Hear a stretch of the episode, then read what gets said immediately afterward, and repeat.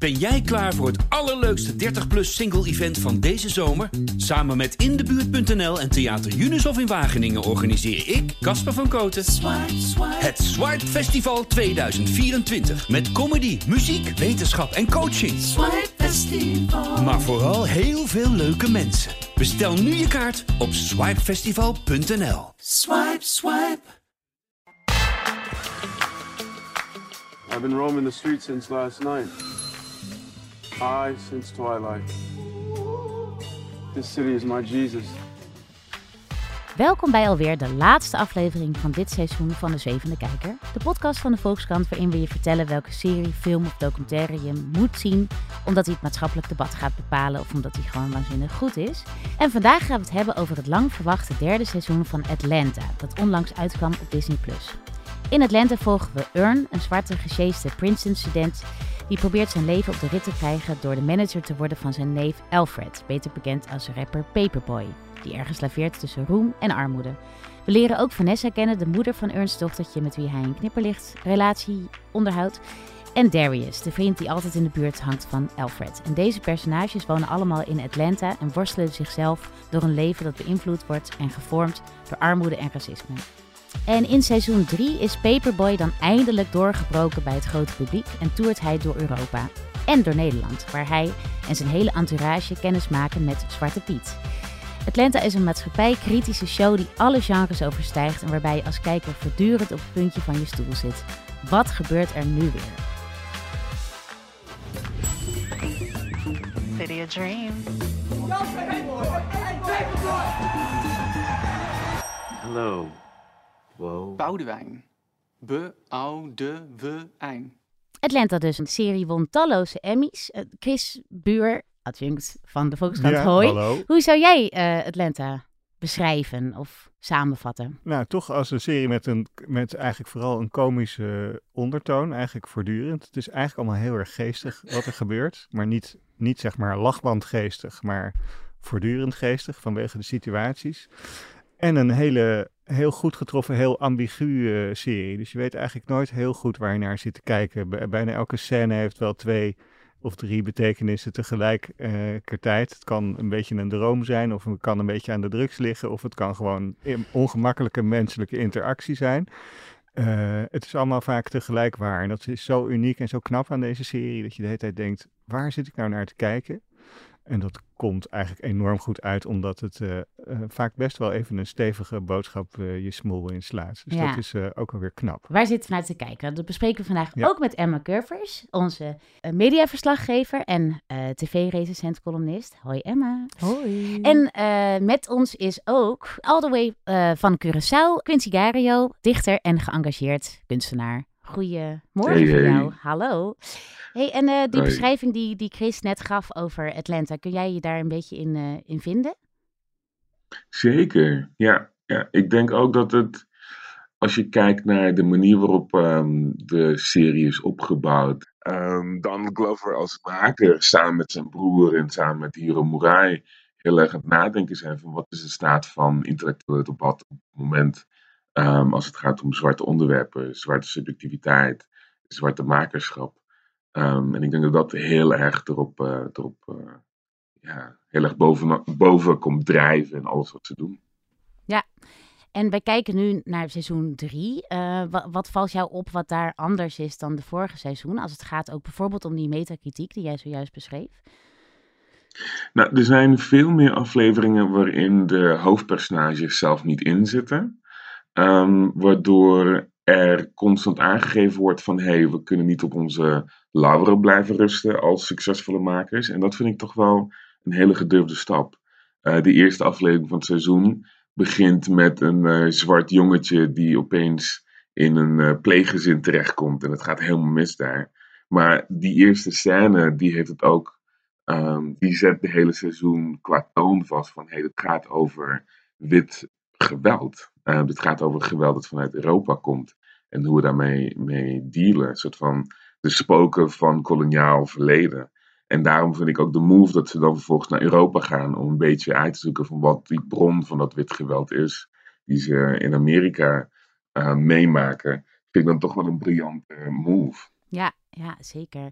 En die eerste aflevering, ik heb ook een beetje zitten lezen, die, dat is ook deels gebaseerd op, op waar gebeurde ver, verhalen. Zoals uh, het jongetje Ja, wat dus uh, in ja. een pleeggezin van twee witte vrouwen terecht komt, wat die uiteindelijk collectief, nou ja, zelfmoord plegen. Dat, is, dat, is, dat verhaal is echt gebeurd. Ja.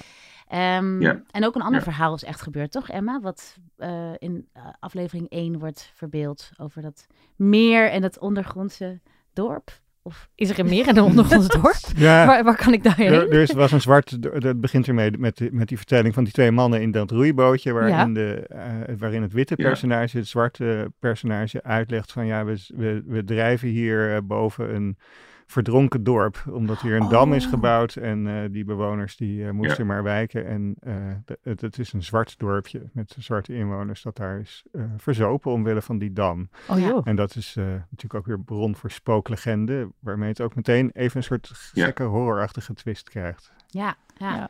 En wat heel belangrijk is in dat bootje, dat zat Oh, ik net nog even terug te luisteren, is dat ze inderdaad wat Quincy zegt, daar uitzetten dat dit seizoen toch wel echt iets anders is dan die vorige twee. Want daar ging het echt over de ervaring van zwart zijn in Amerika. En dan zegt die man in dat bootje op een gegeven moment ook iets van, eh, hè, zwarte mensen zijn vervloekt geweest, maar witte mensen zijn ook vervloekt door de mythe van witte superioriteit.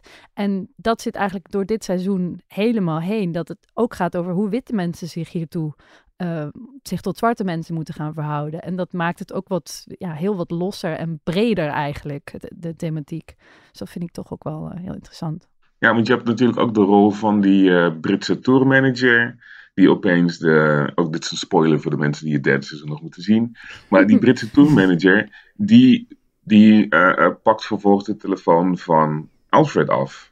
En de hele aflevering gaat over het zoeken van die telefoon. Ja. En op het einde zie je dat hij hem gewoon weggooit. Dan denk je van, wow, wat gebeurt hier? ja. Dit is wel echt Ehm, een of keiharde die- spoiler trouwens. Meld jullie maar bij Quincy. Ja, precies. Klachten naar uh, Pieter Klok, het Volkskrant. Ja. Eh, ja, precies. Ja, maar, misschien, ik denk eh, dat daar zit ja. iets, daar zit iets in, in, in de manier waarop er ehm, een, een misgunning wordt aangegeven. De manier waarop een soort van parasitair nadenken over zwarte creativiteit en wie daar ehm, wie daarop lift. Ehm, er is nu ook die hele film van Elvis. En dan denk je ook van, oké, daar zit ook een bepaalde ehm, bepaalde manier van nadenken over wie wordt uiteindelijk beloond voor zwarte creativiteit. Zelfs met TikTok, eh, eh, dansers en, en choreografen zie je dat. Op het moment dat de zwarte choreografen bij TikTok een poosje een boycott hadden ingesteld, toen wist niemand meer hoe te dansen op het platform. En dan dacht ik van, wow, wat gebeurt hier? Ja. Hey, en eh, misschien voor de mensen die dus Atlanta helemaal niet kennen, moeten we één stapje terug doen en ook even eh Donald Glover introduceren of vertellen wie hij is. Ja, Eh, en eh, wie wil dat doen? Emma, lijkt mij. Ja hoor, wil ik wel. Trap maar af. Ja. Eh, nou, Donald Glover is dus een, een acteur, schrijver, produceur, eh, producer, regisseur, eh, rapper, DJ, noem het allemaal maar op. Heel irritant, dat soort mensen. Ehm, nee, hij is eigenlijk echt briljant. En hij, is, hij komt uit, dus uit Amerika. Hij staat ook wel bekend als Childish Gambino, de rapper. Heeft ook al een aantal albums gemaakt als Childish Gambino. Fun fact, die naam komt uit een Wu-Tang Clan eh, rapnaam Oh. generator. Ik, ja. heb- Ja. ja, ik kan jullie Ja. straks ook vertellen wat jullie namen zijn. Heb ik natuurlijk ook even geprobeerd. Dank je. Ehm, en eh, Donald Glover werd in eerste instantie, eh, eh, ja, wilde, probeerde het te maken als schrijver. Hij heeft voor 30 Rock geschreven, met Tina Fey. Ja. Hij heeft eh, in Community gespeeld. Hij heeft ook in een aantal, ja, eigenlijk hele grote superheldenfilms gespeeld. In solo Star Wars story, in de Spider-Man. Maar vanaf 2015 ehm, is hij dus het, het creatieve brein eh, met zijn broer samen ook eh, achter Atlanta. En eh, daar maar, het is dus nu het drie- derde seizoen van uit. Er komt nog één seizoen hierna aan en daarna is het afgelopen. Dus dat eh, even Dat vast. heeft hij al aangekondigd. Dat Ja, is al bekend, ja. Ja, ja. Ja. Hey, en eh, eh, Atlanta, voor zover ik begreep, het hele schrijversteam is ook... Iedereen is zwart, volgens mij. Quincy, klopt dat? Zeg ik dat goed? als het goed is wel. Ja. ja. En wat maakt voor jou nou Atlanta anders dan eigenlijk alle andere series die we misschien ook wel hebben gehad over onderwerpen en thema's als racisme en uitsluiting. Wat, wat maakt Atlanta zo uniek? Nou, ik, ik, ik weet niet of het zo uniek uniek is. Ik zie het eigenlijk in het vervolg van series als Living Single of uh, A Different World. Um, en dat waren series uit de jaren negentig, waarbij er ook gekeken werd naar een vriendengroep. Die op verschillende soorten manieren het probeerde te maken in de witte Amerikaanse samenleving. En ik denk dat wat hier toegevoegd wordt, is uh, wat, wat Donald Glover zelf heeft gezegd. Dat ze een soort van Twin Peaks proberen te maken met zwarte mensen erin. Nou, Twin Peaks gaat natuurlijk wel over heel erg intiem geweld. Het gaat ook, uh, in de kern gaat het over uh, verraad van verschillende relaties. Dus ik denk dat hij meer dan over de sfeer probeerde te zeggen. En in de sfeer zit constant een soort van, je kan niet helemaal vertrouwen wat er gebeurt. Er zit ook een, een aflevering, volgens mij in het eerste seizoen, waarbij er een zwarte Justin Bieber is. Ja. En dan denk je van, oké, wat, wat voor metakritiek wordt hier nou gegeven? Het gaat eigenlijk over, um, ook over wat mag iemand doen in die fase van hun carrière.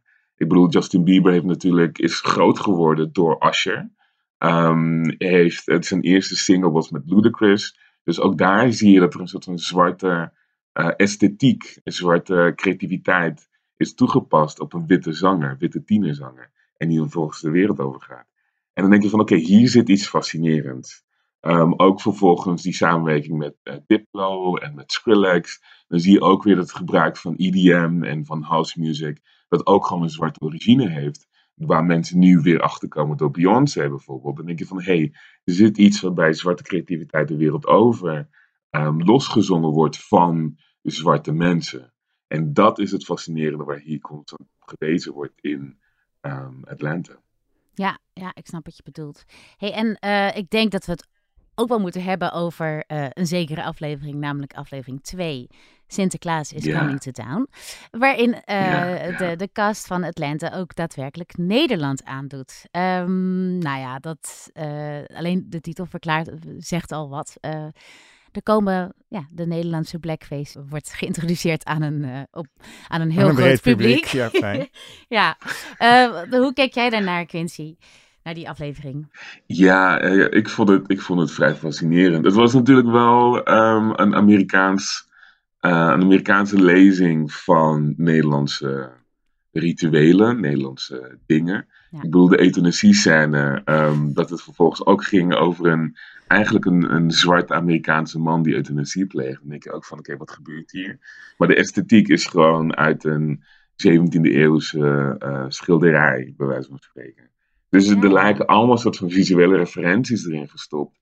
En ook met, met de Zwarte Piet scène, dat vervolgens de manager, um, de stage manager van Paradiso, de, de, de, de acteur die dat speelt, dat hij dan vervolgens een ja, persoon die als Zwarte Piet rondloopt, uh, een klap verkoopt omdat hij denkt dat het earn is. Dan denk ik van, hé, hey, ja, dat is precies... Dat is een beetje de kern van het probleem met hey. Zwarte Piet, hè, denk precies, ik. Ja, ja, precies. Ja, dat is echt... Uh, ja, de, dat is, dat, we hebben daar een, een pijnlijk fragmentje van ook als Earn voor het eerst uh, deze soort van stage manager uh, ontmoet. Um, luister maar. Your first time in Amsterdam? Uh, no, we actually played a smaller venue last year. Yeah. Yeah. It's cool here, no? Yeah. Yeah, and the weed is verbazingwekkend goed. and we tolerate people. Nothing like America. hey, see you tonight, guy. See you tonight. We staan er echt lekker op, hè, jongens? Ja. Internationaal. Jezus. Maar misschien is zo'n uitvergroting wel belangrijk of nodig uh, om het verhaal te kunnen vertellen. Um, wat vind jij, uh, Quincy? Als we nadenken over hoe een, um, hoe een samenleving verschillende kanten kan hebben, verschillende zijdes van zichzelf kan laten zien, dan is het wel fascinerend hoe uh, ze met de afleveringen in Nederland dat eigenlijk hebben laten zien. Ik bedoel, die ene scène met, um, dat is een andere aflevering, dat was met Liam Neeson, dat ze in de Cancel Club zitten. Ja. Um, ja. Toen dacht ik ook van, hoe perfect is dit neergezet? Dat Liam eigenlijk gewoon zegt van, hé... Hey, ja, Misschien moeten we even de achtergrond ja, want het is ook oh, ja. Emma's lievelingsscène. Dus Emma, ja, vertel even, waar kijken we daarnaar? Ja. Nou ja, in een andere aflevering zijn we dus ook nog steeds in Amsterdam. Uh, in Amsterdam. In Amsterdam, ja. Uh, en we komen via weer een mysterieus paadje in een club terecht. Die blijkt later de Cancel Club te heten. En daar aan de bar zit Liam Neeson. En Liam Neeson heeft in het echt eh, onlangs ook een kleine cancellation uh, beleefd, kunnen we misschien zeggen. Mhm. Doordat hij, er werd een oud interview van hem opgevist waarin hij, wat zei Ja. hij ook alweer? Poeh, dat die zwarte jongens wat aan wilde doen vanwege iets wat hij persoonlijk had Ja, meegemaakt. ja, Eh, en dat werd opnieuw eh, geïnterpreteerd. Zullen we ja. zeggen van, hé, hey, wacht even, deze guy is niet oké. Nou, nu zit eh, Liam Neeson dus in Atlanta daarop te reflecteren in een in scène. een bar. In een bar, waar Ja. hij dus eigenlijk zijn wonden kan Ja. likken in de cancel club. Ja, en waar zogenaamd allemaal gecancelde mensen zitten. Ja, Wat ja. weer onderdeel is van een soort beetje drugsachtige droom van eh, Paperboy, het hoofdpersonage. Ja, ja. En die mensen zijn uiteindelijk Ja. natuurlijk ook weer niet zo heel erg gecanceld. eh, maar die kunnen daar wel allemaal samen huilen. Ja. Met z'n allen. Ja, ja. Ja, maar het, het meest fascinerende van die hele scène is ook van... als je herinnert dat beide acteurs in Widows speelden van Steve McQueen... toen dacht ik van wow, oké, wacht even. Steve McQueen die zit natuurlijk ook in Nederland, eh, in Amsterdam... En dan zitten deze twee acteuren die in Widows zaten... wat heel erg ging over Chicago en een soort van underground eh, criminaliteit en, en eh, corruptie... En nu praten ze over een ander soort van corruptie. Nu praten ze over een corruptie van eh, goede wil, een corruptie van intenties, een corruptie van eigenlijk wat is een excuses aanbieden. Ehm, en dat maakt die scène op zoveel verschillende lagen, zoveel verschillende manieren ook zo mooi. Omdat je dan ook beseft, eigenlijk, misschien is de enige reden waarom ehm, Liam Neeson daarin zat, omdat Brian Terry Henry hem heeft gevraagd. Dan denk ik van, er zitten allemaal een soort van Ja. Hele mooie dingetjes daarin. Ja, Ja. Ja, prachtig. Maar er zitten sowieso heel veel lagen onder de serie nog, toch? Van dit soort dingen. Dit wist ik dus bijvoorbeeld ook niet. Maar in die eerste aflevering zitten dan weer heel veel, eh, eigenlijk heel veel eh, allusies op memes. Dus eh, dat, jo dat jochie, dat, Ja. waar het over gaat, die doet op een gegeven moment een dansje. En dat is eigenlijk een meme, op een meme gebaseerd. En eh, zo, zo zit die aflevering ook helemaal vol met referenties die je in de eerste instantie helemaal niet ziet. Precies. Maar die dan, als je ze snapt, Ja. Nog ergens op slaan ook. Dat vind ik helemaal knap. Want Ja, en dat is is nooit gratuit. En dat, dat, dat doet me denken aan de fameuze clip, volgens mij door dezelfde regisseur gemaakt, van This is America van Childish Gambino. Dat zat ook helemaal vol met referenties. Daar kon je eigenlijk gewoon niet op uitgekeken raken Ja. qua wat het allemaal vertelt. En Hele- volgens mij zit dat ook heel erg in Atlanta, waardoor ik het gevoel heb dat ik die drie seizoenen gewoon nu weer moet gaan kijken. ja. Om Ja. ook maar een beetje dichterbij een soort waarheid te komen. Ja. En wij vroegen ons ook af, al al pratend over Atlanta, omdat het eigenlijk vooral ook seizoen 3 echt een metakritiek is op, eh, eh, eh, nou ja, ook op Europese maatschappijen en op Amerika. Ja. En op Ja. racisme. Ehm, wat, wat is nou, want er is niet echt een eenduidige les. Dat maakt het ook zo ontzettend aantrekkelijk tegelijkertijd. Elk karakter, elk personage is gelaagd en mensen zijn zowel goed als slecht. Ehm, maar als Atlanta ons ideologisch een duwtje uit zou willen, of een, een duwtje zou willen geven, een bepaalde richting op, wat, welke richting zou dat dan op zijn? Of wat, wat kunnen we leren van Atlanta over hoe we de wereld anders moeten inrichten?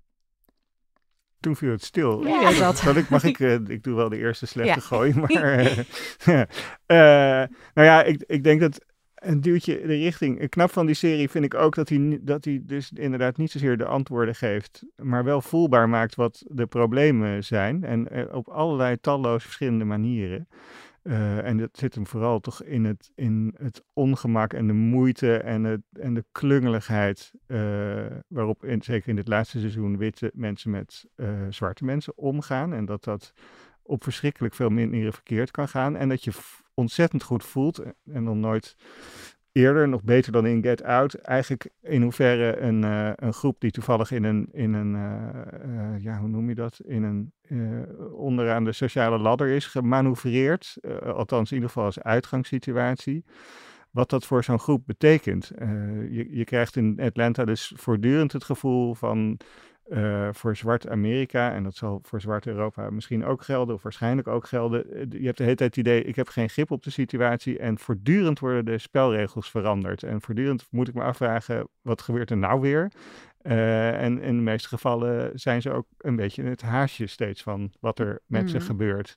En dat weet deze serie enorm goed, enorm goed over te brengen. Dus dat je het niet eens zozeer verteld krijgt als wel voelt. Nou, als je die kennis vervolgens hebt, dan is het volgens mij aan jezelf wat je daarmee gaat doen. Ja. Uh, maar je kan er ook niet meer omheen uh, als je het helemaal gezien hebt, denk ik. Ja.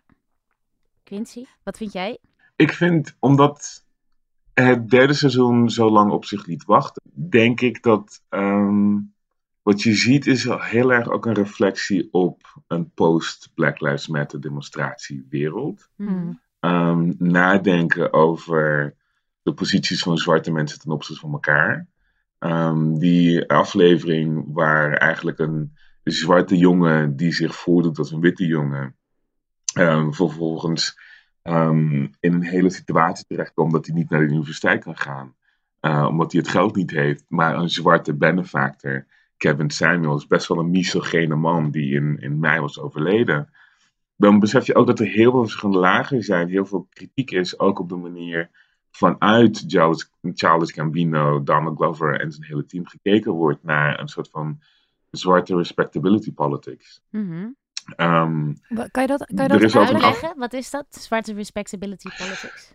Um, waarbij zwarte culturele um, activiteiten, houdingen gehouden worden aan een bepaalde norm. Van oké, okay, je gaat niet uh, felle kleuren aandoen, je bent niet te light in het publiek, je hoort een bepaald soort van niveau van respectability te hebben. Ja, ja. ja. Um, je ziet het heel erg ook bijvoorbeeld in de aflevering met de zoon van uh, Tom Hanks. Um, bij de uh, begrafenis van de voormalige nanny.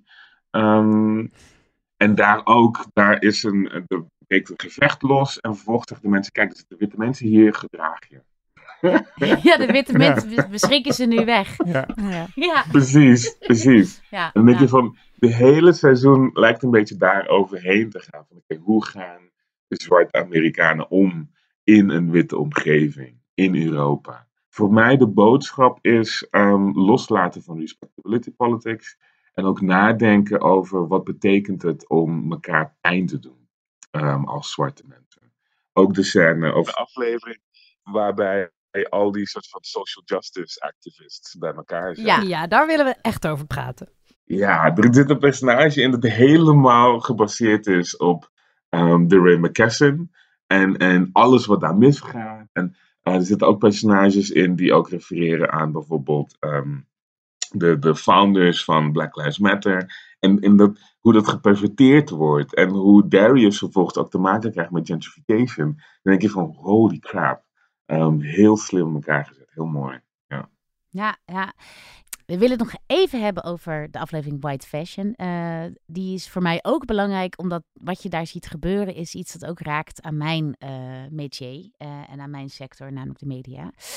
Um, ja. ja. vertel, wat, wat, waar kijken we naar? Wat gebeurt er ook alweer? We zien, we zien een, een bedrijf dat geplaagd wordt door een enorm gebrek aan diversiteit. Ik denk dat heel veel bedrijven zich dat wel realiseerden, ook wat de post-Black Lives Matter eigenlijk hebben gezien. En die gaan dan een soort leuke. Die hebben allemaal influencers voor zich ingeschakeld. Vul me aan als nodig, want het is alweer heel even geleden dat ik deze aflevering zag. Hebben allemaal influencers ingeschakeld die eigenlijk het beeld wat moeten bijkleuren. En die influencers blijken eigenlijk allemaal ook een beetje egoïstische eikels te zijn. Die dat gewoon doen zodat ze gratis spullen en vakanties krijgen.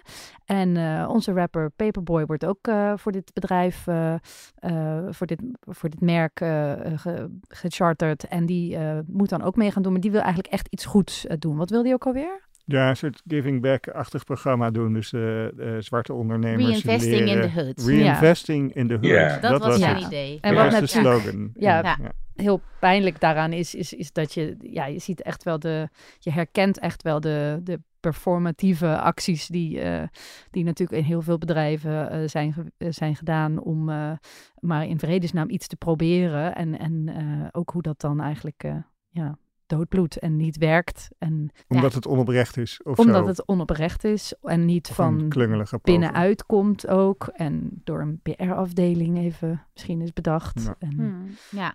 En jij zegt, Emma, dat is iets wat, wat jij ook heel veel hebt gezien. Ik ook, hoor, trouwens. Na Black Lives Matter protesten. Dat, dat, Ja. dat bedrijven, zowel eh, modebedrijven als misschien ook wel mediabedrijven, proberen om diverser over te komen zonder dat Ja. ze dat inherent ook eh, echt eh, zich gaan committeren, toch? Dus dat Ja. is wat je zegt. En ja. die pogingen kunnen natuurlijk ook soms wel oprecht zijn, maar dan alsnog heel moeizaam verlopen. Ja.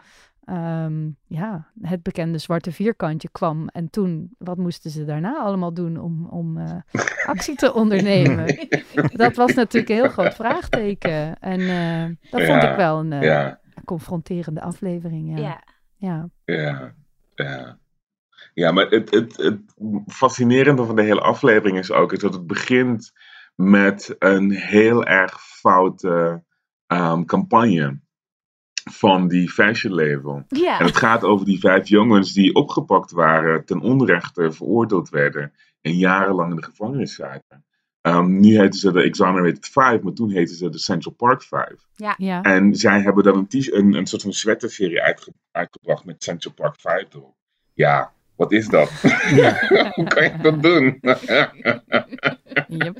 en ik moet dan de hele tijd allemaal denken aan soort van Gucci, aan Burberry, aan Prada, aan al die verschillende merken die ook een soort gelijk ding hebben gedaan. Waarbij ze op de een of andere manier dachten van hé, hey, met een beetje racisme komen we wel mee weg. En dan hier, dan zie je dat vervolgens een best wel interessant idee van Alfred helemaal geperverteerd wordt. Want in plaats van dat het gaat om de zwarte neighborhood, gaat het over iedereen's neighborhood. Dus het is een soort van all lives matter All, van ja, zijn... just eh, all life woord. mattered, my idea, zegt Ja. hij dan ook. Ja, hij is heel boos, ja.